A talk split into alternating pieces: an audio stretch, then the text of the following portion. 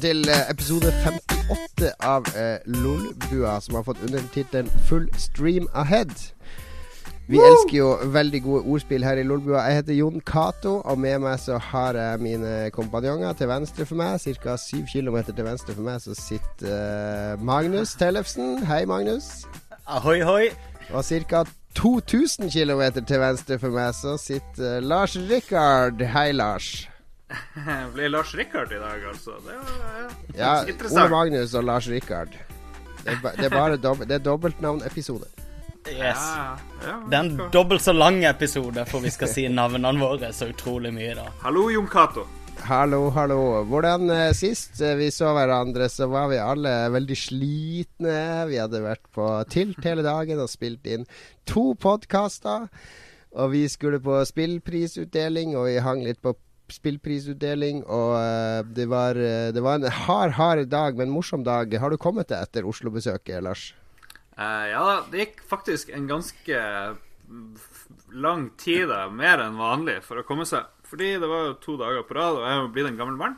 Tåler ikke det så godt, men har nå kommet meg. Men det som sitter igjen, det er jo enda den spillprisutdelinga, som var ganske så spesiell. Men eh, jeg vet ikke om, eh, om eh, vi skal rippe opp i det.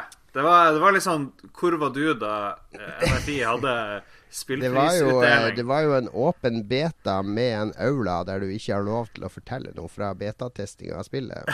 okay. ok. Nei, det var, det var en beta-utdeling. Jeg skrev en kommentar om, om det i Aftenposten, der jeg vel uh, hoppa litt over selve utdelinga og heller tok for meg prisene og ambisjonene.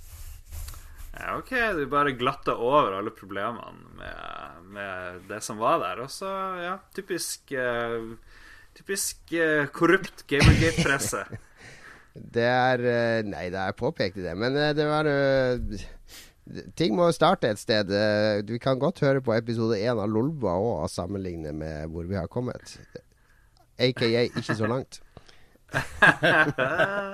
ja, greit, vi skal, vi skal la det gå. Gled oss til neste år. Spillprisen 2016. Det blir bra. Det blir helt sikkert bra. Vi satser på å komme oss på det nå, så kan vi eh, ha et sammenligningsgrunnlag. Vi eh, har, Er det noen som har noe veldig viktig å dele som har skjedd siden sist, eller skal vi gå rett på dagens tema? Magnus har begynt på skole, går jeg ut fra. Semester yes. i Yes. gang. Og dermed har jeg ikke så veldig mye interessant å melde. Uh, jeg er fullt i gang med skole, ja. Og fullt i gang med, med Back to Det er godt Life-prosjektet å høre. Jeg føler at det er lettere å begynne på skolen uh, i det vårsemesteret, for da er det januar, det er mørkt, det er kaldt. Det er litt digg å sitte inne og lese og pugge og sånn. Det er litt verre i august, når, når sommeren akkurat er over. Ja, og så er det det med at uh, du har ikke så Altså, du har jula, og så er du litt lei av jula og litt klar for å komme tilbake til folk. Alternativet er jo på høsten, når du har hatt sommerferie, og du har liksom festa og kost deg i sola, og det kunne du godt tenke deg å fortsette med en måned eller to til, og da Men da må du være innendørs og lære nye ting i stedet. Så jeg er helt enig. Ser den, jeg ser den. Og Lars oppe i, Harstad, så ser jeg at dere i, i avisen din, Harstad-Tine, har, kjørte kjørt en sånn lobbykampanje for å få mulla Krekar opp til Harstad. Men, men der tapte dere. Ja, ja, vi hadde en sak der med mulla Krekar i Harstad, men det gikk ikke. Hvor var det han havna? Hos Ja, han gamle er på sånn øy utenfor Trøndelag et sted. Kirke, Kirkevegøy eller noe sånt. Men det er vel et, et asylmottak han skal bo på der. Men ja, Ja. Det er det. det blir litt kjedelig. Jeg syns det er litt besynderlig, fordi han, han er jo mest aktiv på internett og sånn. Det er jo der han har nettverket sitt og sånn. Så hvis du da sender han ut fra en by med masse distraksjoner, en storby, til et bitte lite sted der det ikke er noe å finne på, så blir du jo nødvendigvis bare mer aktiv på nettet. Han blir jo begynner med sånn dedossing og alt mulig eh, etter hvert. Men han skal jo også ha noe å gjøre, så vi fikk en mail fra PST i dag at de vil gjerne De, de, de skal ha mulla Krekar som fjerdemann her i Lolbua fordi at han skal ha jobb, og han skal tjene, tjene landet mens han sitter her og venter på å bli sendt ut. Det blir kult. Man får jo tips om masse kule spill vi ikke har Ja, men Jeg tror dere er favorittspillet til Krekar. Jeg tror det er Angry Birds. For å sprenge opp ting og ødelegge Det var et. TV-program i Israel som brukte Angry Birds eh, for å illustrere konflikten mellom Israel og Palestina. Det var et sånn parodi-humorprogram, da. Det var liksom Hvem var debatt- grisen i den sammenligninga? Politisk debatt mellom grisene og fuglene, da, der eh, jeg vet ikke Å, ja. hvem som var hvem. Hvem av, oss, er- hvem av oss sitt hus er det som blir sprengt hvis vi sier noe altfor risky nå om sånne Mohammed-ting? Du, Jon, du sier sånn her 'Å, jeg er Mohammed', og så Det må du ikke si, Jon. Det må du Det, ikke si. det er jo farlig. mange, veldig mange som heter Mohammed i Oslo, så det tror jeg er lov å si. Ja, det er, Det er, vel faktisk, det er vel faktisk det aller vanligste navnet i verden. Du har ikke lov å tegne på deg sjøl mens du sier du er Mohammed. Er det sånn det er? Jeg tror det er regelen. Ja. Og det, det tror jeg vi skal klare her i Ja, podkasten det verste er jo at hvis vi gjør det, det er jo ikke at huset vårt blir sprengt, det er jo at vi blir utestrengt fra, fra TGI Fridays her i Oslo. Da får vi ikke lov å gå dit og spise spareribs lenger. Uff, det der var en pinlig sak. Jeg satt akkurat og leste om den. Det er, det er moro Det er moro med norske nyheter. Det er moro med alle stormer i vannglass og Jeg husker da jeg jobba i Spiderman, så ville jeg også vite hvem som skulle Eller hvis ikke det var et intervju som var relevant for oss, så var vi ikke så interessert i å ha masse bilder som ble tatt Ja, vi skal lage en sak om hvordan barn blir, uh, blir voldspersoner av å spille dataspill. Kan vi ta bilde i sjappa di? Nei. Eller, men, men til og med da så ville det kanskje vært relevant. Men de skulle jo intervjue han der Dagen-redaktøren på favorittrestauranten DJ Fridays. Ah, ja. Så uh, ja. Ja, Er det det som har blitt en stor ståhei, at de ikke fikk lage sak på Ja, ja, det, det var De restauranten påstår at de ikke ville at de skulle ta bilder og eller bilder til den saken inne på Fridays. Mm. Fordi de ville ikke bli assosiert med Eller det måtte ha relevans for stedet hvis det skulle være det. Ja. Men det virker som de bare ror seg bort. Men eh, nå skal vi skal Nei, bort det fra er- det her eh, farlige politiske territoriet vi beveger oss inn i her og nå. Allahu akbar. Vi skal ta det helt med ro. Jeg styrer oss rett over på, på ukas tema. Som er eh, Fordi jeg jeg tenkt Jeg tenker og grubler mye på Lolbua, som dere vet, sånn at dere kan slappe av og gå på skole og jobbe og spille Destiny og se på Heartstone-streaming. Så jeg tenkte at vi skulle utover våren skal vi ta for oss mange trender i spillbransjen i, i, i år. Eller som, som, som er i, i lufta nå. I vinden nå, heter det vel. Har du fjerta? Eh, og den første trenden som jeg har funnet på på min lange liste med trender, er selvrealisering. Og med det så mener jeg jo eh, Vi har sånn som Twitch, vi har Shareplay, vi har Steam. Har nå åpna betatjenesten sin for Steamstream. Altså at alle, hvis du, alle vennene som du har på Steam, kan, hvis du ser at en av de spiller, så kan du klikke deg inn på han og så be om å få se på at han spiller. Eh, så blir det streama til deg automatisk. En slags voyeurisme, er det det du tenker på? Ja, det er en slags egosentrisk selv eh, voyeurisme, selvrealisering. For å spille pleide å være noe privat som man gjorde hjemme. Man satt på gutterommet, eller man satt foran TV-en uh, alene, eller med en kompis, eller noe. Men det var noe du gjorde Uh, Det var du og spillet, liksom. Mens nå så, så skal man liksom spille mens man sender spillinga si ut på nett, og gjerne har De fleste har jo ikke mer enn et par-tre venner som kanskje ser på.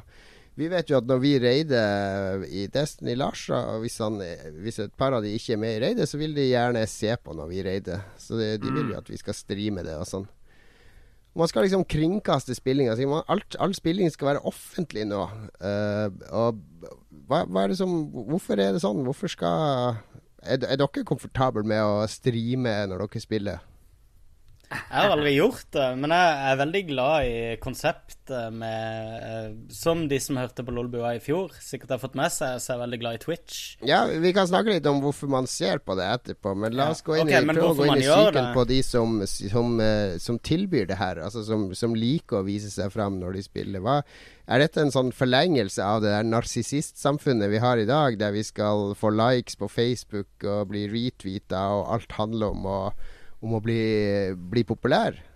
Jeg tror kanskje det har elementer av det, men jeg husker på, på 90-tallet, når mobiltelefonen kom, så husker jeg veldig mange av ekspertene snakka om eh, stammesamfunnet var i ferd med å finne tilbake igjen til ehm, uh, til menneskeheten da i storsamfunnet, og at flokkmentaliteten var på vei tilbake. Med at vi konstant kunne ha kontakt med hverandre med SMS, som det var på den tida. da. Ja, nettopp. Uh, og dette her er jo egentlig bare Altså, internett er en forlengelse av denne muligheten til å ha kontakt med, med sær sine, da. Uh, til og med når en ikke er fysisk sammen. Og vi, uh, vi digga jo å spille spill sammen da vi var yngre, når vi ikke hadde andre alternativer. Og kanskje det er den der eh, flokkgreia som gjør at vi føler et slags sånn, en sånn fellesskapsgreie hvis vi deler med kompiser hva det er vi driver med. Mm -hmm. Sik sikkert litt ekshibisjonisme også blanda inn der et eller annet sted. Hva tror du, eh, Lars? Jeg blir minnet på eh, barndom oppe i Kirkenes i det kalde nord. Og da var det noen som hadde en sånn piratradiosender som man kunne dra mellom husene.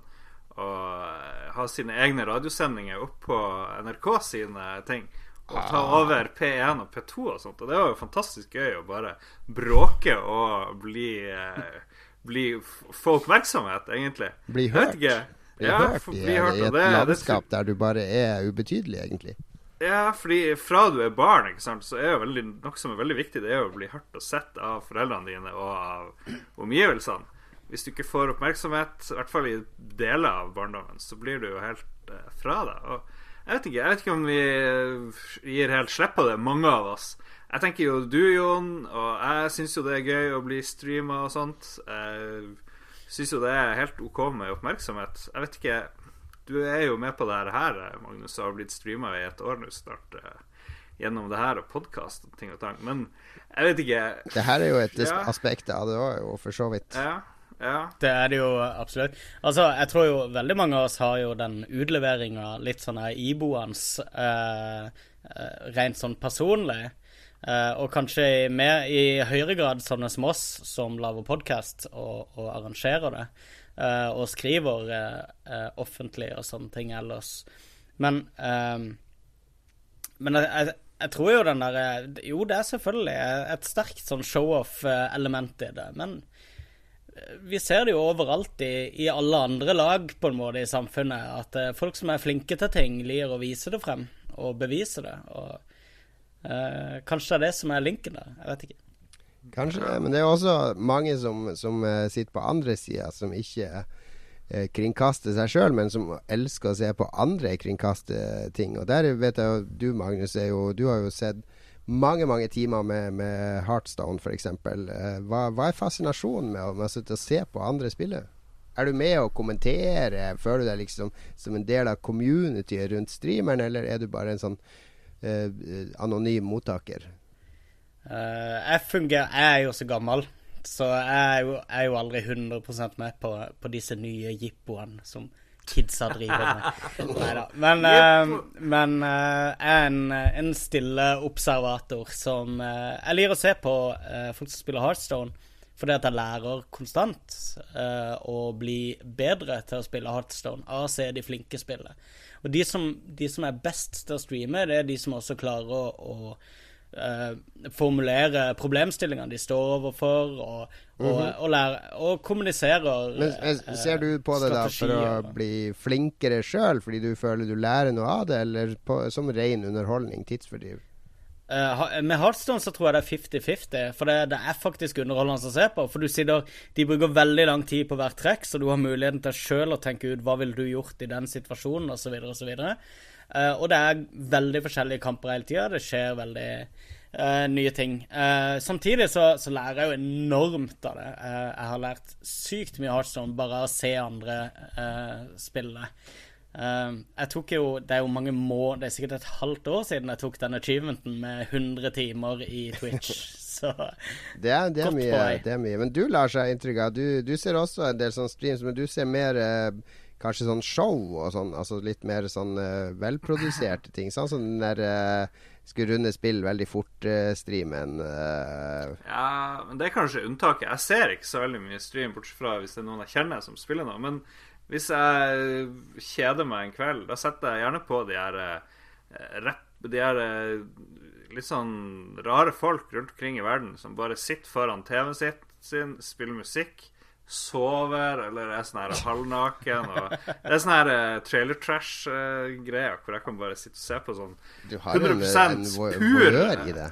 Ja, 100% sånn her ren bullshit uh, med folk som bare er skikkelig ute å kjøre. Det syns jeg er ufattelig morsomt.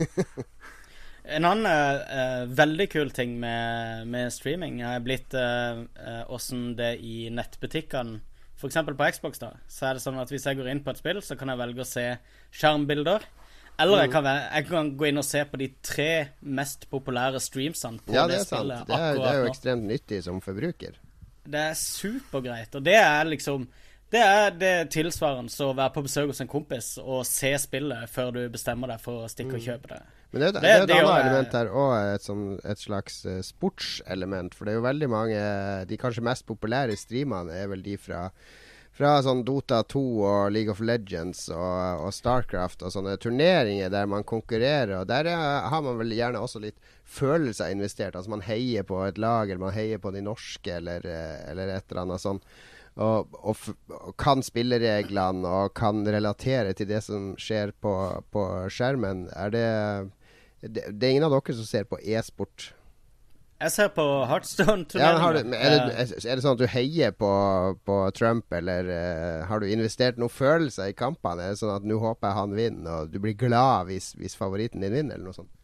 Ja, det er en 10-15 streamere som jeg, som jeg følger, uh, og uh, det er alltid en fire-fem av de som er med sånn til slutt uh, i turneringene. Og det er gøy å se hvordan de gjør det, for du kjenner de på en måte. Føler ja, du, for du har blir, tilbrakt så mange timer. Det blir akkurat som idrett, da. Altså følge, følge idrettsfolk. Ja, altså Det er jo siden ikke det livesendes på NRK, så ser jeg det på Twitch. Ja, men altså, det er jo Det er en livesending av ei turnering. Jeg ville Akkurat som sjakk sendes jo nå i huet og ræva. Ja, det, det, er jo faktisk den mest populære spillstreamen som har vært vist i Norge. Det er Magnus Carlsen-kampene. Og det er, det, er jo, det er, jo, nøyaktig det vi snakker Det er streaming av to karer som sitter og spiller mot hverandre. Ja, nettopp. Og, men det som er så kult med, med den streaminga, er åssen Alt har med formatet eller med kommentatorene å gjøre. Åssen de på en måte De tilfører en ekstra verdi. Og det, derfor så jeg, jeg, hater å se på streams der de for det første kutter bilder av seg sjøl, og for det andre ikke kommenterer hva som skjer. Da ser jeg ikke verdien i å sitte og se på en stream. Da sitter jeg bare og ser spillet bli spilt. Ja, Men idet du har en, en morsom eh, streamer som, som kommer med sine betraktninger hele tida, eller er dritflink til å spille, eller spiller kul musikk for den saks skyld, så er det liksom Det er sånn her, hele tida et snev av sånn merverdi, kan du si. De tilfører et eller annet Sånn som, Hele veien. Uh, sånn som Arne Skeie, liksom. Ja, men for eksempel, altså uh, Bare sånn med uh, Jeg har vært på, UFC, på sånn finale i Fifa-NM der Arne Skeie satt og kommenterte i et hjørne. Ja, jeg også. Men, men, sånn som i UFC, så foretrekker jeg å se Joe Rogan Eller de turneringene hvor Joe Rogan eh, kommenterer. Hvis han ikke kommenterer, så syns jeg det er en kjedeligere turnering. Ja, det er sant. Uh, det er en viktig del av det. Men hvis vi skal hvis vi skal prøve å runde opp vår lille samtale om streaming her, hva, hvordan vil streaming utvikle seg framover? Hvor sentralt eh, vil det bli? Altså Både Sony og Microsoft skjønte jo at det her var noe som var viktig å inkludere i konsollene sine, og nå har Steam også kommet på banen. Er det sånn at alt som spilles, skal streames? Skal det bare være en konstant strøm av, av spill på kryss og tvers hele tida, eller hva, hva vil skje med streaming i framtida? Det er et godt spørsmål, jo. Jeg har ikke peiling. Men jeg tror jo ikke det blir noe mindre av det. Jeg vet ikke. Jeg syns det bare blir mer og mer. Jeg tror gamle folk kommer til å streame mer når de etter hvert eh, oppdager det her. Og, ja. Kanskje det blir sånn enda mer yngre folk òg. Jeg tror ikke det blir noe mindre. Det er min fullstendig ukvalifiserte påstand. Jeg tror vi kommer til å se i, i høyere grad det vi ser nå, som er det er litt det samme som skjedde i musikkbransjen da eh, digital distribusjon kom, med at du får sånn demokratisering da, av, av hvem det er som kan uh, vise seg frem i det offentlige rom. Mm. Uh, at uh, småfolk har like store sjanser for å eksponere seg som de store, og derfor så vil det vokse frem helt Helt andre, hva skal du si, kanaler for, ja. for, de streamsa. Mm. Det tror jeg er veldig sunt. Og så, så er det vel ikke så kommer det til å spre seg. Jeg vet ikke, Er det, er det mest uh, I vår verden er det mest spill som streames, hvis vi ser bort fra TV. Men nå er det jo blitt noe sånn greie hvor folk uh, streamer, eller de i hvert fall sender opp på YouTube hva de har vært og kjøpt på butikken, f.eks. Jeg tenker at vi skal, vi skal livestreame alt mulig.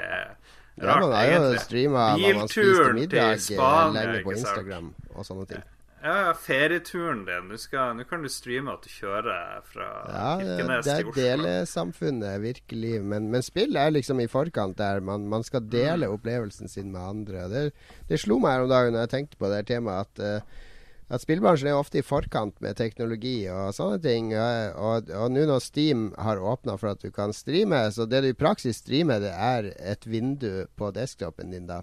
Så, så faktisk så kan du streame hvilket vindu du vil. Så du kan egentlig sette på en film, og så kan du streame filmen og snakke over den og sånne ting. Men det er ikke lov. Fordi at det, da, da blir det plutselig ikke sant? Det er ikke lov å streame filmer, fordi du har ikke rettigheter til å gjøre det. Og det tenker jeg, Hadde det ikke gjerne vært noe for, for filmbransjen òg, jeg tror ikke noen folk hadde vært interessert i å se på oss tre sitte og se en Chuck Norris-film sammen mens vi kommenterer. Eh, Du og lage vårt eget kommentarspor. Altså Våre venner i Red Crew de, de har jo gitt kommentarspor til Dødelig våpen og en annen film til, til eh, premiummedlemmene sine. Der de har spilt inn en lydfil som du da kan sette på sammen med filmen. Eh, du må ha filmen Det sjøl. Ja, det er veldig kult. Det har vært Ja. en fremtid i det. Sånn Mystery Science Theater var vel, var vel et sånn film- eller TV-seriekonsept der de så gamle eh, møkkafilmer og kommenterte og var morsomme oppå de. Jeg har en del av de DVD-boksene faktisk nede i boden. Men uh, du ser jo det allerede nå, at uh, Microsoft, når vi får tilsendt uh, promoer, så følger det med i denne her NDA-en, så står det at de oppfordrer oss til å streame eh, fra, fra pressekopiene som Mm. Ja, vi ja. får Og det er jo streamerne og youtuberne som nå blir invitert til events rett før Ja, ja. spillene skal lanseres, for at de skal ha spillene klart til å streame på, på den og den datoen. Eh, har dere, vi har nevnt den der Black Mirror, er det det den heter? Eller Broken Mirror, eller hva forskningen er det? Engelsk TV-serie, liksom. Black Mirror. Black er en engelsk TV-serie, sånn miniserie med tre episoder i hver sesong, som er litt sånn Twilight Zone-aktig, men målet til han som lagde den, så vidt jeg har lest, var å se på skyggesiden av teknologi vi har i dag, da, og hvor vi kan ende opp. Ja, der har jo det en, De driver og presser han, statsministeren i England til å skulle ha sex med en Det er en briljant episode. Ja, Ja, den var bra, altså. det går jo direkte på våres, uh, tema her. Og så har du en annen episode hvor det er noen folk som er på realityshow her og der eh, med synging og dansing. Og uh, det er ikke så mye annet som skjer i det der samfunnet, annet enn at du har ulike personligheter, og så har de knyttet til seg masse folk som streamer ting hele tida. Så du har liksom ulike kanaler hvor det bare er streaming hele tida. Så kanskje det er der vi, eh, er der vi ender opp. PewDiePie Du har jo et er annet eh, kongedømme med hans uh, dudes. Jeg skjønner hvorfor den heter Black Mirror, for det er som å se oss sjøl i et stygt svart speil. Ja. Aka iPhone-skjermen, som også er et Black Mirror. Oh my Her er det god. mange undertoner. Oh Vi skal eh, fase ut uh, diskusjonen med litt uh, livlig eh, musikk. Eh, vi skal høre på uh, Satsi. Time After Time, en herlig melodi med faktisk litt synging. Og så kommer det for første gang i Lolbuas historie en kort eh, reklamepause. Og så er vi tilbake for å snakke om hva vi har spilt. Got the world to clock, hands in my high love, and so and the song. Got the world to clock, hands in my high love, and for I have nothing to say. They have a lady time after time.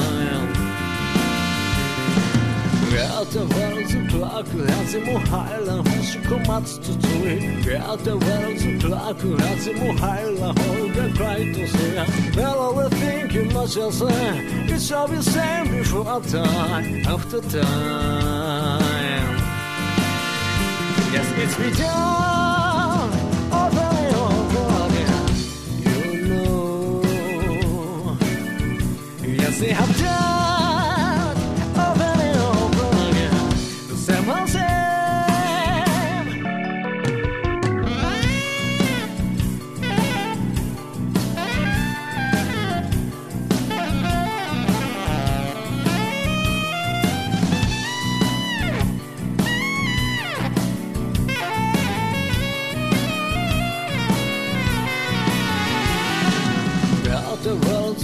heile vel, så er en det som gråter vel, så klart akkurat som å heile vel, for en det var I have nothing to say, det har bare lady done it time, after time.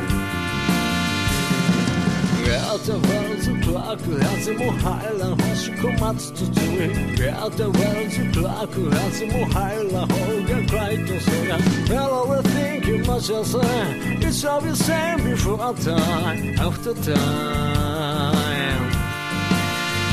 Yes, it's been done over and over again. You know. Yes, they have done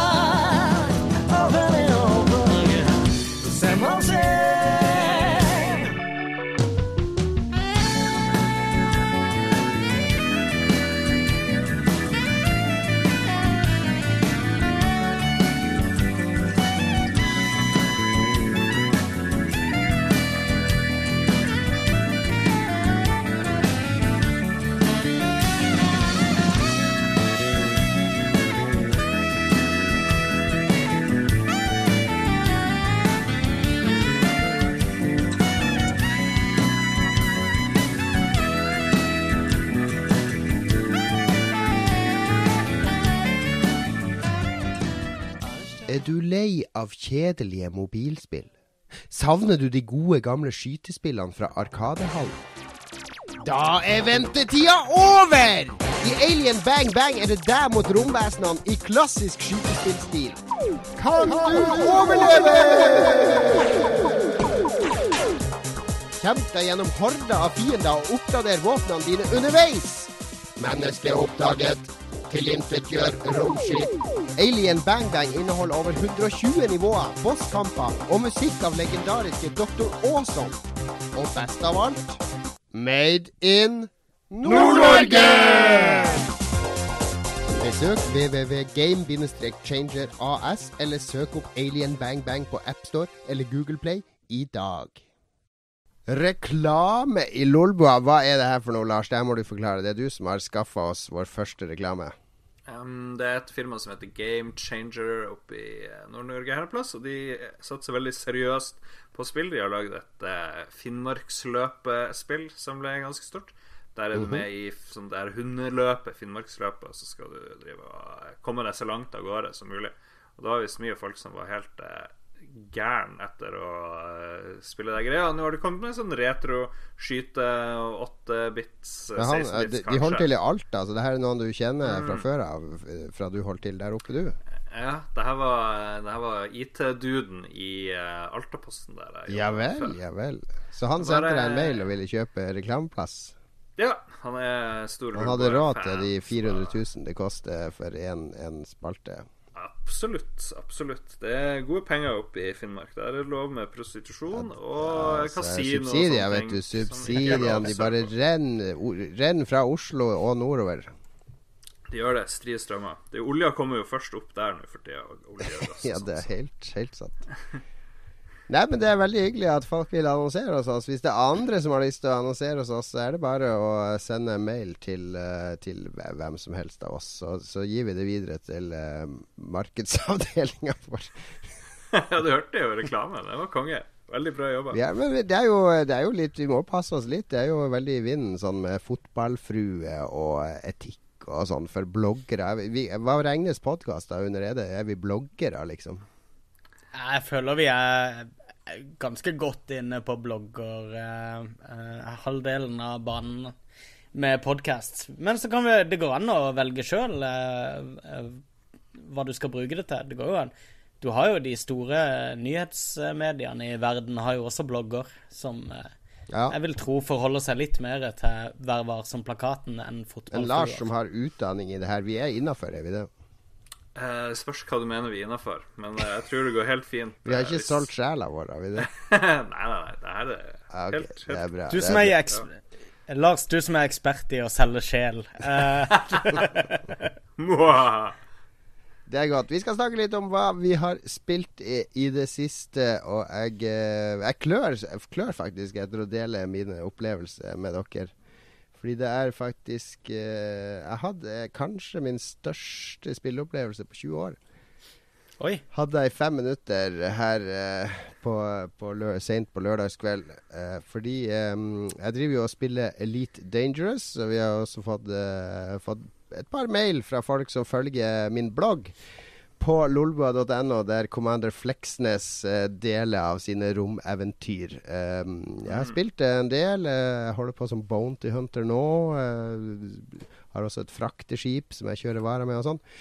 Men grunnen til at jeg fikk en sånn skjellsettende, helt, eh, helt, helt vill opplevelse, det var at jeg var på besøk eh, hos vår gode venn eh, Frank, som har vært gjest tidligere. Og han har en leieboer som heter Thomas, og han har eh, Oculus Rift versjon 2, altså DK2, den, eh, den eh, nyeste utgaven som er tilgjengelig for kjøp for utviklere. Så jeg fikk låne den hos han, da. Og så tok jeg den med hjem og kobla opp og kjørte alle demoer og alt sånne ting.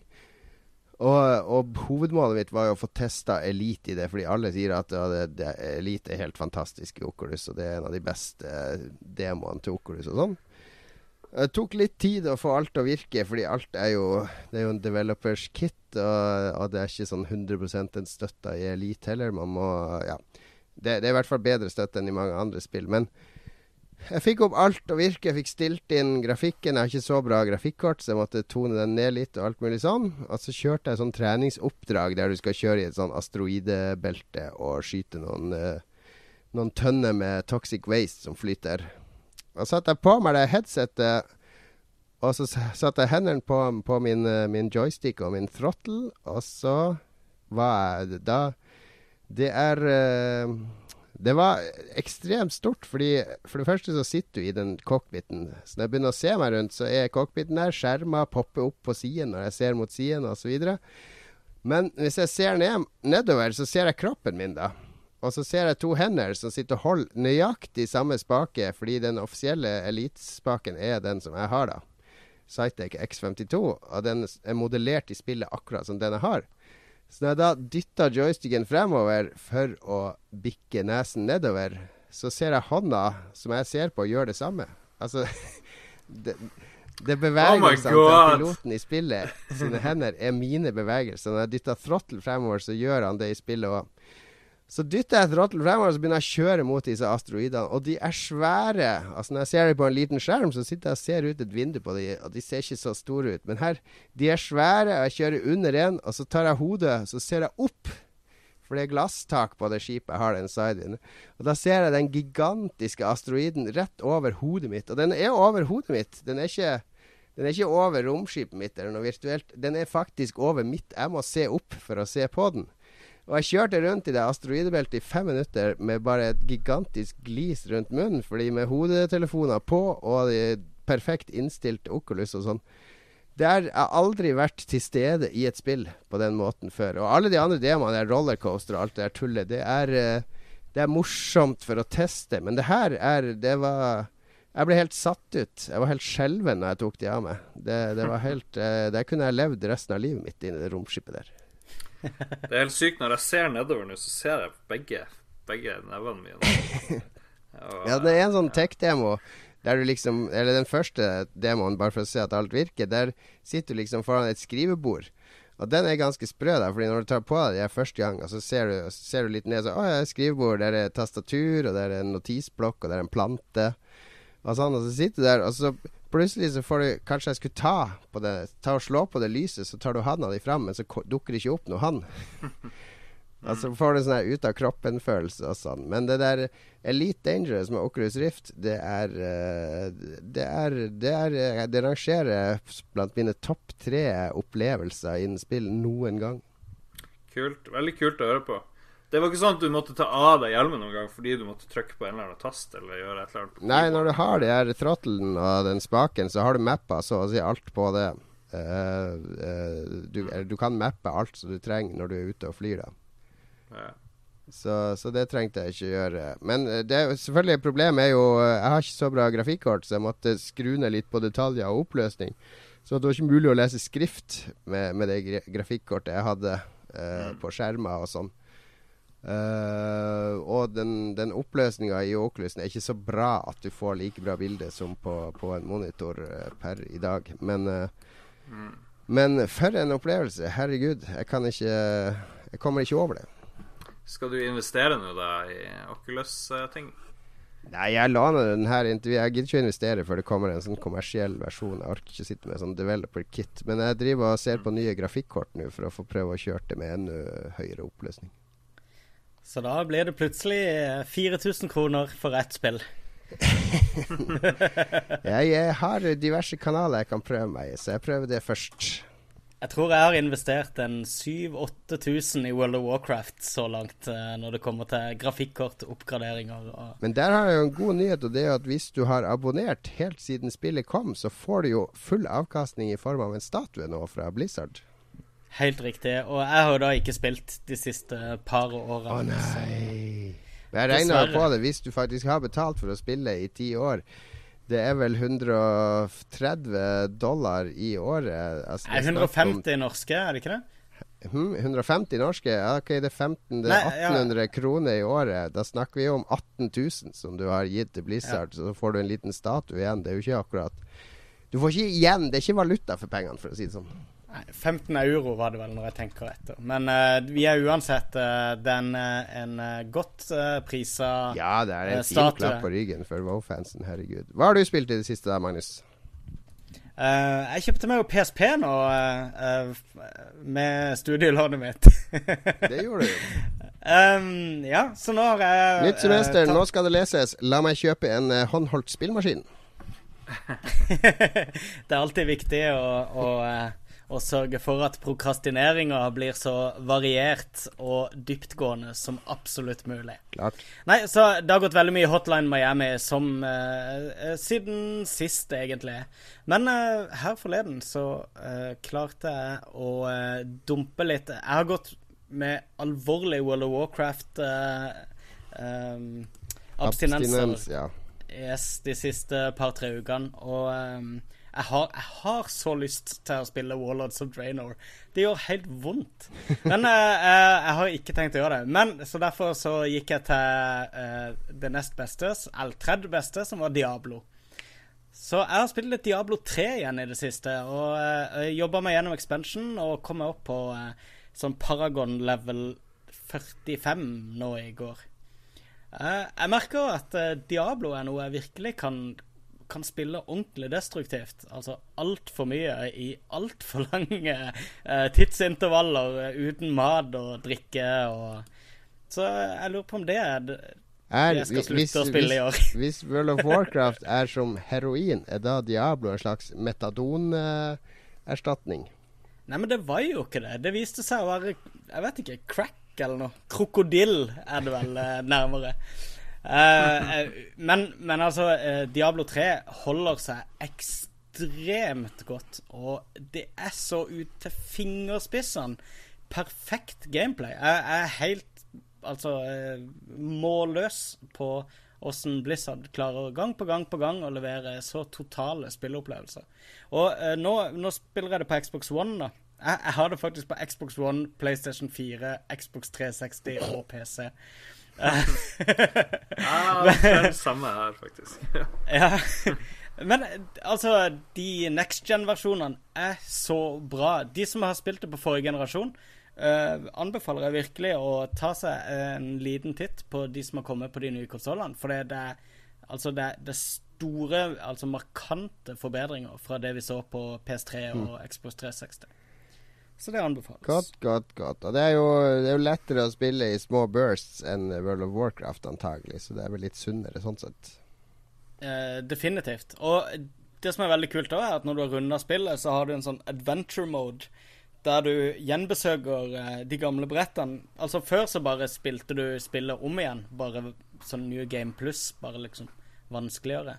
eh, og med høyere vanskelighetsgrader. Men nå har de en adventure mode hvor de har lagt inn eh, egne sånn missions der du har eh, klare mål på hvert av de gamle brettene. da I de gamle områdene. da der du skal tilbake og fighte bosser og sånn for helt sinnssyke eh, premier. I tillegg til noe som heter Rifts, som lar deg eh, eh, utfordre deg sjøl eh, ytterligere. Det de har virkelig slått på stortromma. Jeg håper det kommer en expansion snart. Bra, bra. Fra, fra spillbransjens heroin til spillbransjens eh, crack cocaine. Er det noe annet enn Destiny som har foregått oppe i Harstad den siste uka, Lars? Uh, ikke så veldig mye. Litt. Forrige uke var kveldsvaktuke for meg og helgevakt, så da ble det nesten bare tid til eh, litt sånn der eh, vedlikeholdsarbeid på Destiny. Men jeg fikk snust på en del andre spill. Eh, blant annet lasta jeg ned den gratisgreia til PSN som heter Swapper, som er en greie som kom i fjor en eller annen gang. Ja, det er et sånn eh, finsk eh, sci-fi eh, 2D-spill der all grafikken er, er faktisk laga på ordentlig. Altså Det er tatt bilder av sånne ting de har laga med plastelina og leire og, og ting og tang. Ja, det ser veldig bra ut. Det er veldig kul sånn visuell stil. Du spiller en sånn klonedude eller et eller annet. Du kan ha fire av deg sjøl hele tida. Så kan du bytte mellom dem, og så må noen trykke på plattformer. Og noen steder den typen lys, da kan du ikke gå forbi, og ditt og datt. Så det er veldig sånn puzzle. Old school eh, 2D sett fra sida-puzzlespill som virker veldig ok. Det er jo gratis, så det er jo bare å laste det ned hvis du har PS4, PS3 eller Vita. Ja, det er gratis hvis du har gold. Hvis du har sånn her eh, Nei, ikke gold. Hvis du har PS Pluss. Ja, gold er plus.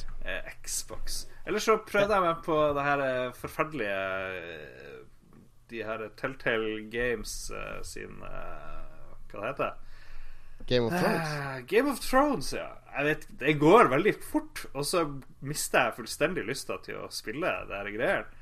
Det er en sånn kombinasjon av elendig teknisk løsning og, og Jeg syns Game of Thrones er et av de svakeste fra det. Det er litt sånn her eh, Føler ikke noe driv. Jeg føler ikke noe, får ikke noe forhold til de figurene.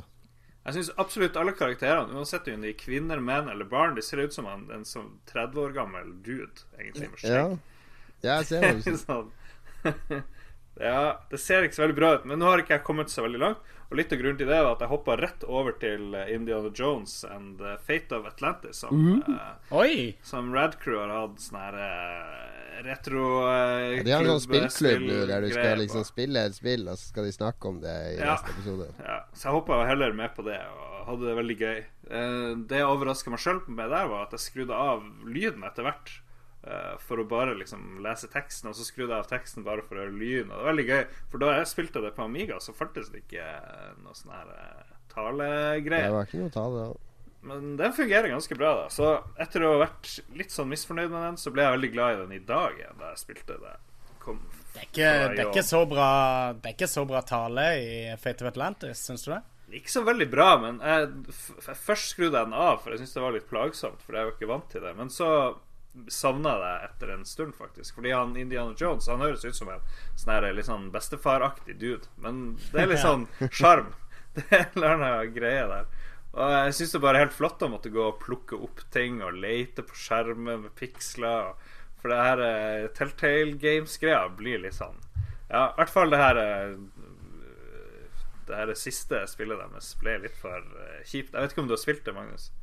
Jo, jeg har spilt det. Jeg, snakka bitte grann om det Ja. Jeg, ja. jeg likte det jo veldig godt, for jeg er ekstremt glad i Game of Thrones. Så jeg kjente meg jo veldig mye igjen i, i storyen og så videre. Og uh, plukka opp sikkert på en del av den der ekstra infoen som dryppes rundt omkring, som tilfører en del kjøtt på beinet, syns jeg, da, for resten av historien. Så, og jeg, jeg går jo også med litt Game of Thrones.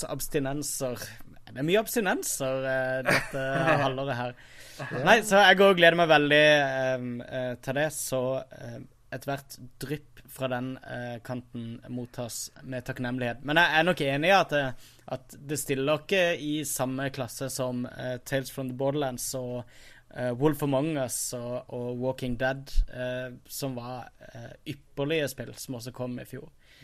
Det gjør det ikke, men jeg likte det veldig godt. Spilte du ferdig, Lars? Nei da, men det jeg har gjort, det er å betale 200 kroner på Steam for å få absolutt all hele sesongen. Så det angrer jeg på med en gang. Men siden jeg har gjort det, så skal jeg, har jeg lovt meg sjøl jeg skal spille gjennom i hvert fall hele første Da lover jeg at eh, Da lover meg og Magnus at når vi ser deg på Steam spille det, så skal vi gå inn og be om å få se streamen. Det lover vi til gjengjeld. Med kommentarer. Med kommentarer.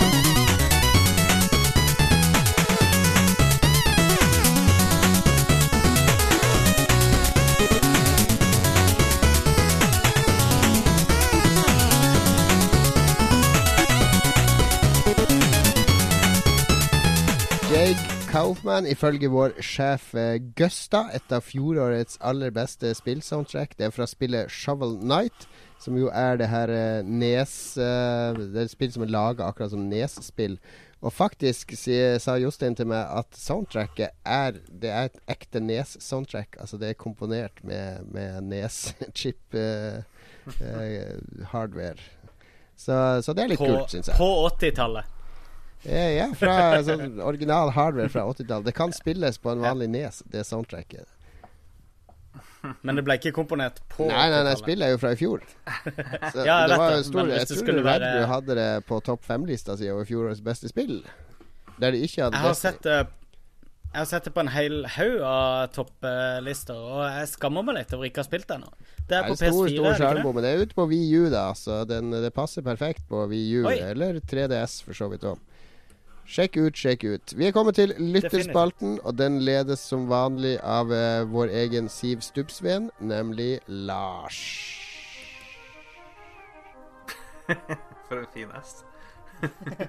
ok, skal vi se. Jeg begynner nederst på lista. denne gangen, Fordi av en eller annen grunn så ble alle rekkefølgen bytta om da det var kjørt på yeah. med lytterspørsmål. Så vi begynner med Erlend Haugen Markussen, som lurer på hvor etisk det er at butikker som GameStop eh, driver og eh, selger Skal vi se. Det var et veldig omfattende spørsmål. Hvor etisk er det egentlig det sjappe som GameStop eh, driver med? Eh, det er vel ikke store forskjellen på om man piratkopierer eller kjøper et brukt spill hos de, eh, sier han. Når de brukte koster bare 50 kroner mindre enn ny pris, så blir det kvalmt. Ja. Han reagerer på veldig liten forskjell på pris i bruktspill og nyspill. Men det er jo opp til butikkene. Det har jo ingenting med spillutvikler eller utgiver å gjøre. Ja. Jeg forstår ikke logikken. Nei, men Erlend eh, er jo Det virker jo litt sånn urimelig, i hvert fall for eh, en Det er jo I bruker. Japan så har de i mange år kjempa mot bruktspill og prøvd å få inn lover mot kjøp og salg av bruktspill og sånn. Jeg, jeg vet ikke om de har lykkes, men det var en het potet på starten av 2000-tallet. Og eh, Men så lenge man selger et produkt, så må du også selge Da selger du også eh, retten til å disponere det produktet som du vil, og også til å videreselge det produktet. Så hvis jeg kjøper en masse spill og vil selge de på finn.no, så må jeg få lov til å gjøre det. Og hvis jeg vil selge de kunne gjennom en mellommann, og da, da blir jo Game en mellommann som jeg selger de til, som da kan selge de videre, så må jeg også få lov til å gjøre det. Akkurat som man kan selge filmene sine og bøkene sine osv. osv. videre hvis man ikke vil ha det lenger. Så Og da er det også, Så sånn det også etisk så er det ingen- game. det, det er ikke noe galt med det sånn rent etisk, men, men du har jo et valg når du står i butikken. Hvis du vil støtte utviklerne av spillet, så betaler du 50 kroner mer og kjøper det nytt i stedet for å kjøpe det brukt. Så det du er du som forbruker som sitter med makta her. Jeg, jeg føler ikke det finnes noe sånn etisk forsvarlig Eller jeg føler ikke at etikk passer inn i, Nei, i har- denne kontekst i det hele tatt. Alt, alt handler om etikk etter Gamergate, tror jeg. Ja, jeg tror òg det. Men, men altså eh, Game og GameStop og disse som selger bruktspill, de forholder seg til Altså, de sine priser er nøye beregna ut ifra hva de faktisk er i stand til å kunne ta for spillene. Så eh, da må heller eh, alle forbrukere, altså som markedet samla, reagere på de høye prisene og boikotte det for at de prisene skal gå ned. Men det selger til de prisene, ellers hadde de satt ned prisene. Og en, sånn og en annen morsom ting med, med de rene spillsjappene er at de hadde ikke kunnet eksistere uten å drive med bruktspill. Fordi de, når jeg jobber med spill, og når Magnus jobber med salg av spill, de marginene for å tjene penger på, på, på spillsalg av nye spill er bitte små. Det er derfor Narvesen har gitt opp å selge spill, og mange andre som har prøvd å selge spill, fordi det er ikke mulig å tjene penger på å selge nye spill. Inntektene kommer fra bruktspill. Så uten bruktspill så, så tror jeg ikke vi hadde hatt rene spillsjapper. Det er sant. Så vårt råd er egentlig å ikke dra til GameStop, men å kjøpe rett på nett. Eh, Steam og Google Ja, ting. jeg er helt for å støtte utviklerne. Kjøper, det eneste jeg kjøper brukt, det er spill som ikke er i produksjon lenger. Men det er en annen debatt, fordi spill tas jo ut av produksjon etter to måneder i produksjon. Men, eh, men ja. Ja, nei, men kjøp gjerne spill på GameStop. Det er hyggelig å ha sånne plasser man kan gå inn og, og kikke litt og bla litt sånn. Eh, han Robert Karstensen lurer på hvordan hot ass du bruker i Elite Dangerous, eh, Jon. Og om du er fornøyd med den. Du nevnte det i sted. Du bruker den Jeg bruker Cytec. X52 Pro. Det er liksom den som, eh, som er den offisielle som Frontier har tilrettelagt for under utviklinga. Også den som er avbilda i den virtuelle cockpiten. Mm. Jeg er kjempefornøyd med den. Og så vil han at vi skal snakke masse om Elite Dangerous. Ja, det har jeg tror gjort allerede. Man får følge med videre på Commander Fleksnes sine eventyr på lolbua.no. Det har vi gjort. Uh, Martin Herfjord, vår venn, lurer på hva det store spillet i 2015 blir. Det har vi ikke snakka om. Om det blir ett en, en gigasuksess, er det noe vi vet om som blir den store hiten. Vi snakka litt om Uncharted. Jeg vet ikke, blir det den store hiten? Muligens ikke. Uh, skal, ikke, skal ikke Blizzard uh, slippe det der uh, Hva er det heter for noe? Det skytespillet sitt? Ja, Over et eller annet, men det måtte vi skifte navn på, nei. kanskje. Ja, riktig. Uh, det tror jeg kan bli en sånn Det kan bli et fenomen, tror jeg. I, uh, kanskje på størrelse med Team Fortress. Uh, men om det blir en sånn Men siden de opererer med bare sånn online-salg og sånn, så er det ikke sikkert det får like mye blest, da, som som kanskje spill som blir mer reklamert for eller markedsført, som Tomb Raider og Uncharted. Men jeg vet ikke. Hva er det egentlig som er annonsert for i år? Eh, alle snakker om Witcher 3. Det er liksom den der eh, go to-tittelen for 2015. Og Batman, som er rett rundt hjørnet. Eh, Microsoft må jo komme med en slags oppfølger, eller en sånn videremelking av Minecraft. Ikke en oppfølger, men de må lage Spacecraft, eller jeg vet ikke, et eller annet. bare for å følge opp din spådom med Year of the Romskip, Lars. Ja. Eh, så ble jo uh, Sid Meyers uh, Hva er dette for noe? Starship? Ja, ja, han kommer med sånn eh, Space Exploration-strategispill. Yes, det ble, ble annonsert i går, Det hørtes veldig kult ut. Yes. Mm. Så det er umulig eh, det ser ut til altså- at eh, Nostradamus der oppe i nord skal få lov til å svare på flere spådommer utover året. Jeg, jeg vegrer meg veldig for å spå hva som blir best i året som kommer og sånn, for jeg bruker alltid Alltid når det er et nytt år, så bruker jeg å, å, å gå tilbake et år, så ser jeg på alle de norske spillsidene sine spådommer for hva som skulle bli kulest og best i 2014. Ja. Og, og ser at eh, 30-40 av lista ble utsatt til 2015. 30% var bare middelmådig søppel, og 20-25% var kanskje innfridde. Så, så vi får vente og se, er min, min eh, anbefaling. Ja, det var Men hvis gøy. du ser på Det var gøy. Hvis du ser på eh, spillene som kom i fjor, da Jeg syns jo 2014 var et temmelig dølt spiller.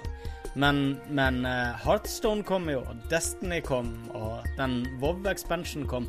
Så folk har jo hatt noe å spille på eh, likevel. Det kom masse treng... bra spill i fjor. Vi er bare Vi er bortskjemt med at vi skal bli blåst av banen hele tida, tror vi. Ja, men jeg, jeg, jeg tror mange Jeg tror forventningene var ekstra høye i fjor pga. de nye konsollene. Og at eh, det har vært så mye snakk om hardware i hele fjor at eh, alle venta seg en sånn her eh, wow-opplevelse på This is next gen, eh, som ikke kom helt. Det tror ikke jeg kommer i år heller, men, eh, men vi får gå videre. Det er nok enig i. Ja, skal vi se. Han eh, TJ Kristiansen, jeg tror det er Tommy Lee Jones, faktisk. Han sier at han nettopp har gjennomført Nino Kuni. Eh, hva syns vi om spillet, og har vi noen anbefalinger i samme gate-ish på PS3? Eh, hva vi syns om Nino Kuni? Jeg syns jo det var helt fantastisk. Jeg har dessverre ikke fullført det. men Jeg er veldig det glad er jo Nino Kuni. Studio Ghibli og fantastisk musikk og fantastiske karakterer og flott stemning og alt mulig Jeg er bare litt sånn koselig og hyggelig eh, hele veien gjennom. Det er et sånt spill jeg spiller hver gang jeg er hjemme i Kristiansand, der eh, PlayStation 3-konsollen står kobla opp. Eh, jeg elsker å spille Det er supersjarmerende. Og jeg skulle ønske Studio Ghibli involverte seg litt mer. Gjerne sammen med Level 5 eh, fremover. Ja. Men er det noe som ligner på det på PS3? Jeg klarer liksom ikke å komme på så mye JRPG på PS3 nå. Jeg tror jeg har fått helt jernteppe. Ja, det, det blir uh, PlayStation Allstars. Nei da. Uh, Det er vel en million JRPG-er du kan spille på, eh, men som ligner veldig på 10 Nino HD-utgave. Det er jo også ganske sjarmerende. Ja, Persona 5 kommer jo Og Persona, men Persona 4 er jo PS2-spill, da. Der, der har du et problem. Men hvis du går på PSN Store på PS3, så tror jeg Det er kanskje bare på Vita, men det er i hvert fall veldig mange japanske rollespill ute på Vita på PSN Store. Blant annet Dangan Rumpa og mange andre veldig kule. Ja, ellers kan man jo lete etter andre level 5-spill på PS3-en. Eh, de lagde vel noe der òg, gjorde de ikke det? Dårlige svar fra oss i Ja, vi har jernteppe. Sorry. Sorry. Eh, brr. Bjarte W. Helgesen lurer på om det ikke snart er på tide med nytt F-Zero. Ja, men Lars, han spør på nynorsk, og da er vi forplikta ifølge Språkrådet til å, lese på nynorsk. Ok, eh, Han heter jo også på Twitter This Here Sjiraff. Eh, han spør Er det ikke snart på tide med et nytt F-Zero. Godt, godt, godt. Og da må vi også svare på Nei da, vi trenger ikke vi, Jo, det er jo det. Nintendo har jo pøst ut uh, seriene sine i høyt tempo. Nå er det vel strengt tatt bare Metroid og, og F-Zero som mangler på Wii U, er det ikke det? Åh, Zelda er vel en Ja, uh, Zelda er jo høydere i år. Zelda kommer jo. Ja, men det kommer i år, gjør det ikke det? Ja, det skal komme i år.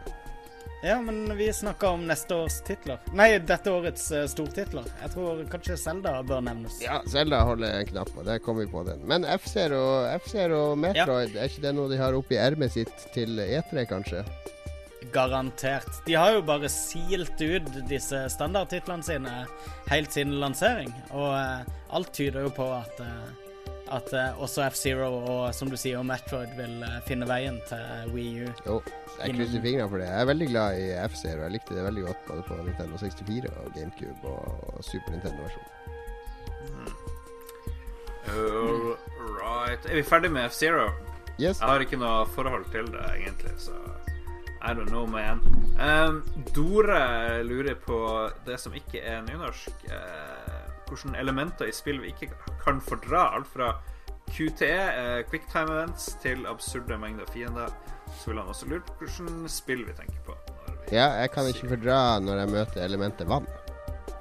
Ah, ah, Ja, men eh, eh, for å følge opp den, jeg er ikke noe glad i sånne her ice levels i plattformer, plattformere, der du sklir rundt på bakken og skal gjennomføre ting. Det er det verste jeg vet. Men uh, jeg tror respawning er noe av det verste jeg vet. i, Respawning, virkelig.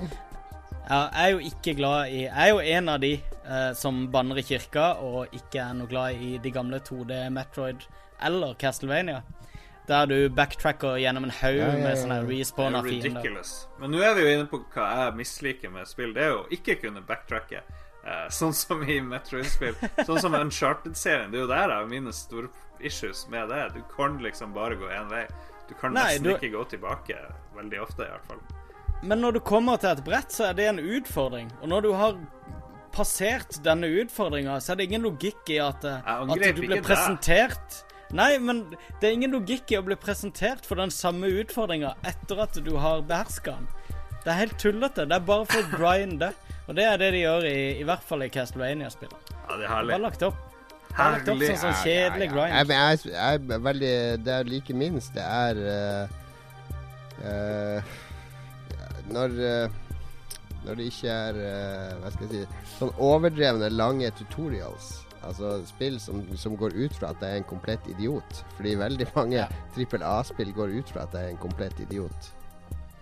Og ikke, ikke minst, eh, vi må vel tilbake igjen til Final Fantasy 7 for å finne et godt eksempel på det. Jeg tenkte på det her forleden. Sånne, sånne in game-sekvenser eh, som ikke du kan skippe. Og da tenker jeg på Nights of the Round-spillen i Final Fantasy 7, hvis folk For husker den. ja. Som tok sikkert to og et halvt minutt å gjennomføre. Eh, som du ikke kunne skippe. Sånne ting er helt grusomt, syns jeg. Og, og så syns jeg det er mange sånne moderne spill som der tutorialen var- egentlig varer gjennom hele spillet. Der spillet hele Ja. tida minner deg om hvor jeg bør gå, hva jeg bør gjøre, hva jeg skal trykke på for å klatre opp der, hva, jeg hva skal jeg trykke på for å trekke sverdet og sånne ting. Call of Duty Ja, er jo veldig der. spillet, hei, gjennom hele spillet så er det liksom en sånn der eh, Jeg føler at det sitter en kar bak meg og prikker meg på skuldra og sier eh, nå burde du gå dit, og nå burde du gjøre det, og nå må du huske å hoppe sånn og, og sånn. Jeg blir Jeg syns det er det, Jeg vil ha spillet mitt for meg sjøl. Jeg vil ikke ha at noen skal fortelle meg hva jeg skal gjøre. Jeg er helt enig. Og det er akkurat sånn det er å sitte og spille sammen med meg. Så det er en advarsel til de som måtte ønske det. Oh my god. Eh, han, eh, Sønnen til Rune Bratseth, Nicolas Bratseth, lurer på om vi har noen favorittskurker i spill. Tja. Godt spørsmål. Eh, min favorittskurk i film er jo han eh, Alan Rickman i Die Hard og den der, Robin Hood-filmen. Jeg tror ikke jeg vet om noen spillskurker som jeg har digga like mye som jeg har digga filmskurker. For de finnes det jo mange klassiske eksempler på, syns jeg, da. Eh, Metal Gear Solid har jo veldig mange bra. Det må jeg jo forsvare. De har veldig mange bra skurker. Ja, definitivt. Det er eh, mange der som jeg liker godt. Ja. ja. Ellers Ellers Krota. en En Krota, da. Lars. Du har glemt Krota og, eh, Krota. og Atheon og Ja, de har jo ingen story. Det er jo Ja. Men det er bra. Og nå fikk jeg lyst til å spille Destiny. Ja, ja. Nei. Oh lord. Nei, skurka Han i Nino Kuni, han eh, og den hvite heksa og han Shadar, de, de liker jeg godt. Ja. Mm. Donkey Kong i starten. Kanskje Jeg liker veldig godt Donkey Kong Junior, for der er Mario skurken. Det er han som har fanga Donkey Kong, og så skal Donkey Kong Junior redde han. ja, riktig. Det er den beste bad guyen. Ja, han, Mario som bad guy. Han burde få flere bad guy-roller. Enig i det. Mm. Ja, nei, det her er dårlig. Vi, vi har gjort null research før vi har svart på akkurat det her spørsmålet. Skal vi se. Tom Men takk for Ødegaard. spørsmålet, Niklas. Ja, veldig bra. Tusen takk. Ja, ta, folk som hører på, kan sende oss sine favorittskurker, så kan dere vise hvor teit vi er for de, alle, vi, alle de vi glemte. Tom Ødegaard lurer på hva vi syns på om den fysiske utsettelsen av Dying Light i Europa. Den digitale kommer som planlagt. Er det her et slags eksperiment for å måle digital versus fysiske utgivelser, eller bare merkelig tilfeldighet? Altså, i så fall så ville de jo lansert på likt. Ja. Hvis de Jeg har ikke fått med meg Jeg fikk med meg at den fysiske versjonen var utsatt, men jeg har ikke fått med meg noen konspirasjonsteorier rundt det. Nei, jeg- Men, men eh, det høres ut som logistikkproblemer. Ikke så veldig mye eh, vanskeligere enn det. ja, men kudos for å prøve å finne en slags uh, sinister uh, Nei, men det jobber jo Altså Tom jobber jo i spillsjapp òg, da, så han er jo litt opptatt av å kunne tilby det samme som de har på nett, vil jeg tro. Ja, riktig, da, riktig. Det, jeg, det ville jo, jeg ville jo irritert meg grenseløst hvis jeg hadde jobba i spillsjappe nå, og et spill som mange kunder spør etter, kommer mye seinere fysisk enn digitalt. Men så får de vel et plaster på såret i form av en eller annen GameStop eh, Ja, de får en sånn eksklusiv byste 15 av en timers naken, expansion. blodig eh, dame ja. Så de kan selge med spillet. Yes. Uh, Vår fasteste lytter uh, Ja, vår fasteste lytter han Jan Christian Hegel, Confusus90, uh, sier at streaming er veldig gøy når man ikke har tekniske problemer. Eh, og man har folk som er aktive i chatten. Det gjør hele Let's Play-greia mer interaktivt. eh, enn om å vente på likes eller kommentarer på en YouTube-video. Eh, så alt i alt positive greier og mye moro. Det er et godt poeng med interaktiviteten i det. Absolutt. Med at det er TV du kan snakke til, Ja, ja, ja. og påvirke og få svar på ting, og donere er en dollar og få navnet ditt. NRK-prøveprosjektene der du skulle sende SMS i en sånn der sidespalte. Og TV 2 hadde Husker du alle hadde sånn før? TV Norge, TV 2 og NRK. Ja, ja. Så det er en vert som bare sitter der og prater piss mens folk sender inn SMS. Og, ja. Oh my god. Jeg tenkte Det beste, Det jeg sånn syns det beste er når de hadde én sånn. ekstra. Når, når de hadde en ekstra i redaksjonen, der de, som de går hen og intervjuer inniblant. Så bare Ja, nei, nå skjer det masse i sosiale medier her. Nå er det en her på Facebook som sier at uh, Nei, Siv Jensen, bare pakk sammen og dra hjem. Det Men jeg det spesielt, helt på TV Norge og sånn, så hadde de Det sendte de hele natta sånn her. Så står det en dame eller en fyr der og sånn Yes, nå er det altså sånn rebus, og det, det kunne være sånn der uh, bilde av en banan og så bilde av et skilpaddeskall. Og en pluss imellom. Så ja, hva blir dette? Dette er noe som man tar av en frukt før man spiser den.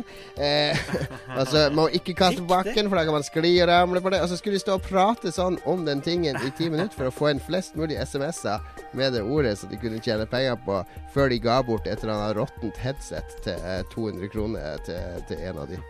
Det var, det var det det helt hette eh, vilt. det hadde et navn, det der.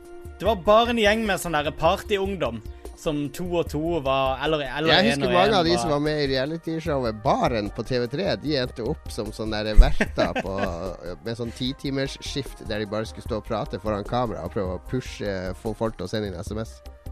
Det er det eller å selge strømabonnementer. For en, for en tid det var. For en fortrengelse. Hvorfor minte jeg meg det, selv på det? det Godt poeng, Jon Cato. Det er jo det, sannsynligvis uh, the missing link der til uh, streamerkulturen. det var siste liksom sukket for TV før, eh, før vi gikk over Absolutt, absolutt. Det var vel kanskje. Spider på NRK som var først ute med interaktiv TV, for der kunne du også sende inn meldinger underveis eh, som han leste opp. På It. Ja, ja, ja. Vi må Ja. gå videre, eh, Lars. Ja. Skal vi se. Uh, Andreas Røise Håkonsen Han vil at vi skal forutse spillåret 2015. Uh, han vil at vi skal komme med en rekke spådommer. F.eks. jeg tror Half-Life 3 blir annonsert i løpet av året. Og når året er over, så kan vi gå gjennom spådommene og se hvor mange vi fikk riktig. Men Andreas, kjære du, for to episoder siden så drev vi og spådde vilt og uhemma om hva som kommer til å skje eh, det. i året som eh, kommer. Så du må bare Sjekk gå ut i episode appen din. 56. Ja. Episode 56. Der får du svar. eh, Og vi har eksklusive nyheter der om Half-Life 3, for alle som ikke fikk med seg den. Ole Jørgen Øverby sier at han aldri har skjønt greia med streaming. Hvorfor se på spilling når man kan spille sjøl? han skjønner heller ikke hvorfor man skal dra til Syden når man kan sitte og se det på TV. Nei, vent litt. Han, nei, han sier at det er litt sånn å være på besøk nå begynner du akkurat som i den minneboka di, Lars, og begynner å skrive om Det det, vennene dine skrev om deg for å få deg til å høres bedre ut. Nå må ikke du legge Ja, ord i munnen. Ja, Han har ingen mulighet til å forsvare seg. Nå må du lese det her opp akkurat nå. Ole Jørgen Dusteby. Nå er PFU eh, ringer straks. Ole Jørgen skjønner ikke streaming. Greit nok. Jeg er litt som å være på besøk hos den kjipe nabogutten som nekta å la deg prøve Nintendoen, og du kun ble sittende og se på at han spilte. Jeg skjønner jo godt hva han sier, for det, det er ikke så mye jeg gidder å se på folk som streamer. Det er ganske Men- Men dette gikk vi jo gjennom i stad, og det var det jeg punkterte med at du har, du har dette her med, med ekstra value som blir lagt til deg i form av kommentarer og innspill og det, det får en sånn subjektiv eh, eh, et subjektivt element uh, i det det går via en, en morsom streamer eller en observant streamer eller en flink streamer eller whatever, som påvirker det. Det er ikke bare som å sitte og se en sånn her eh, Det er ikke som å stå i butikken og se på en eller annen sånn her 14-åring som står og spiller. Ja, ja, ja. ja. Ehm, mm, mm, mm, mm, mm. Skal vi se, han Mats Halvorsen eh, lurer på om fokus på stream i spill vil bli problematisk når man ser hvor lett det er å hacke. eh, sånn som i jula med PSN og Xbox, bla, bla. Jeg vet ikke om han mener streaming, om det er så greia, men han mener kanskje online-spilling. Eh, for det er jo det som er det verste som eh, skjer når tjenestene blir hacka. Ja, han, han mener vel de der streamingtjenestene, sånn som den til PS4 som er i beta i USA nå, Ja, der du kan Ah, spille eh, Så streame spillet som du Mm. spiller. Ja, men det er et godt spørsmål, Mats. Og det er jo selvfølgelig Ja, ja. Du, når du skal ha PlayStation Now, eller hva det heter, sant? så Ja. vil jo ikke det Ja, de funke. hvis, Gaikai og de der. Gamle tingene. Ja, Gaikai. Men, men ikke sant, hva, gjør du når du skal se på uh, film og eh, TV? Du ser på Netflix, eller du ser på HBO eh, Nordic stream. Og når du skal høre på musikk, så har du Spotify eller Wimp. Det er helt logisk at Ja, er etter hvert blir streama, det òg. Ja. Det, det er helt naturlig. Og så, OK, folk må Det er, bare at, det er bare at blant filmfans og musikkfans så er det ikke en rabiat, gal gjeng som har et ekstremt eksponeringsbehov for å vise at de kan uh, kjøre et DDoS-skript. Det er det dessverre Nei. elementer av i spillfanmiljøet. Du har eh, nordkoreanere, da, som Ja, har, har eh, vist en eh, Men, men det er helt riktig. Og, men akkurat dette her med hacking og sånne ting eh, Vi må jo Det er vel en, en krig som aldri ender, og, og eh, to, to fronter som alltid vil eh, bytte mot hverandre. Så det er vel bare noen må ta med i regnestykket, og bare håpe at at produsentene av innholdet sikrer seg bedre og bedre i tida fremover. Jeg tror ikke på det at det var Nord-Korea som hacka noe som helst. Det høres helt vilt ut. Det er bare noe CIA sier, fordi jeg vet ikke. Det, det er noe mystisk på gang der. Jeg aner en konspirasjon. Nord-Korea er sikkert et flott og fredelig land. Eh, Det ligner veldig mye på Norge. Det, det er faktisk helt likt Norge. Det er faktisk helt likt Eh, Norge. og alle er blonde og blåøyde der, og, og har sykt mye penger. Ja, Nei, men Bra vi fikk oppklart det. Skal vi se.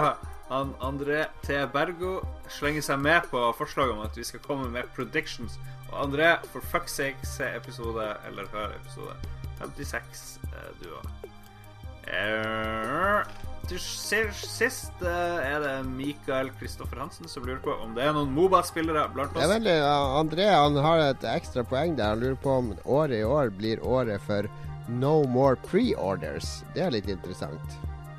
For pre-orders er veldig Er det litt i vinden nå, da? Det har vært litt diskusjon Eller det har vært uh, Den Evolve-greia som kommer, er under mm. hard skyts nå fordi at du det er, det er så mye DLC til det spillet at de som kjøper den versjonen, får tilgang til ditt og datt lenge før de og jeg, jeg har null interesse for Evolve lenger pga. at jeg, jeg skjønner ikke hva jeg skal kjøpe eller spille for å få en komplett opplevelse.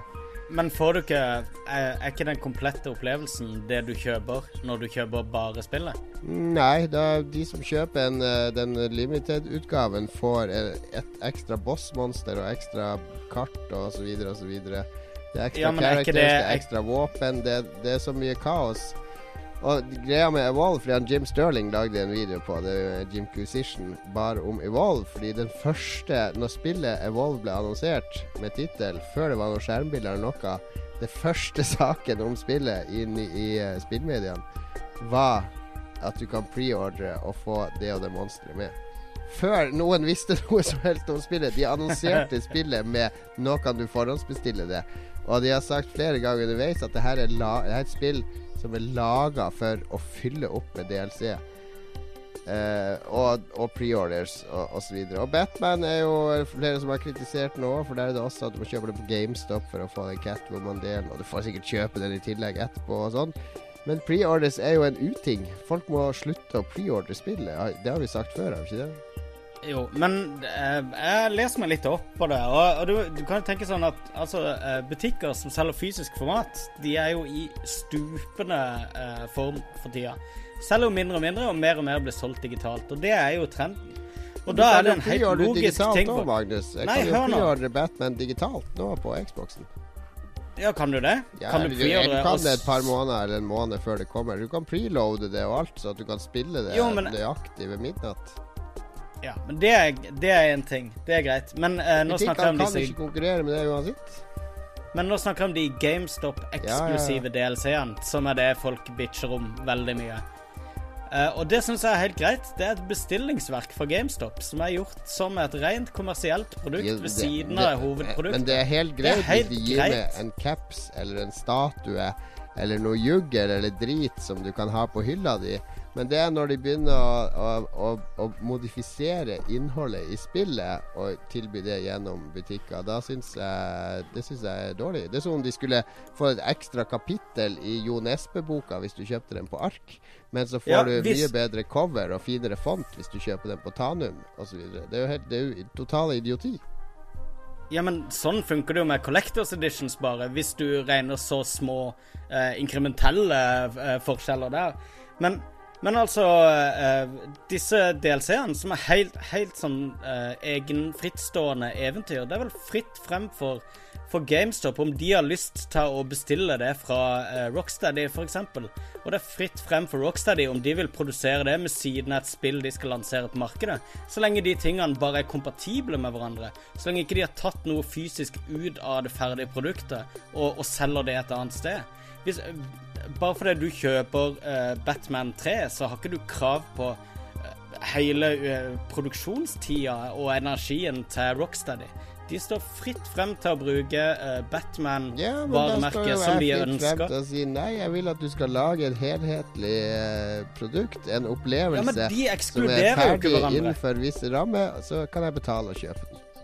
Men de ekskluderer jo ikke hverandre. De kan lage et fiks ferdig i, produkt. i Evolve så ekskluderer det hverandre. For hvis du kjøper Collector, så, jeg ikke, så kan ikke jeg spille multiplayer med deg på de kartene som du har, og de, det monsteret du har, f.eks. Ja, og det er fair enough. Der er jeg helt enig i at det faktisk påvirker den, den fullstendige uh, opplevelsen. Men i tilfelle Batman, som var et tema i dag, så jeg det var en sånn her ravans gamer som, Uh, som var helt i harnisk over eh, forbruker, forbrukerhatet til 2K Games, eller hvem det var, som sto bak eh, Batman, det kommende Batman-spillet, hvor GameStop har, en, har et ekstra lite eventyr ved siden av det, hovedeventyret tilgjengelig for de som kjøper det hos dem. Der syns jeg at, at der må en bare eh, tillate utviklere til å produsere hva de vil ved siden av eh, hovedproduktene, så lenge ikke det går utover hverandre.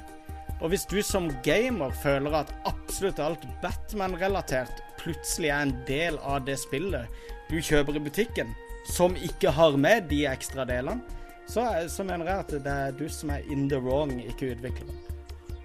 Ja, ja, ja. Hva vi snakker om, gutter? Vi snakker vel om preorders, egentlig. Men du er for preorders, altså, Magnus. Det er konklusjonen. Er for at så lenge ikke Altså, én ting jeg, jeg virkelig misliker, er at når de tar ting ut av det ferdige spillet og selger det ved siden av, gjerne fra dag én, det syns jeg er, er grusomt. Og jeg syns også, sånn som du nevner med Evolve, når, de, når eh, spillet blir helt annerledes eh, online, og folk blir utestengt fra eh, visse elementer i spillet når de skal spille ja, ja, det, på grunn de at ikke har preorder, da mener jeg det er problematisk. Batman-argumentet ditt, for det er jo noen i Rocksteady som sitter og jobber med de Catwoman-delene som kun de som kjøper på GameStop får.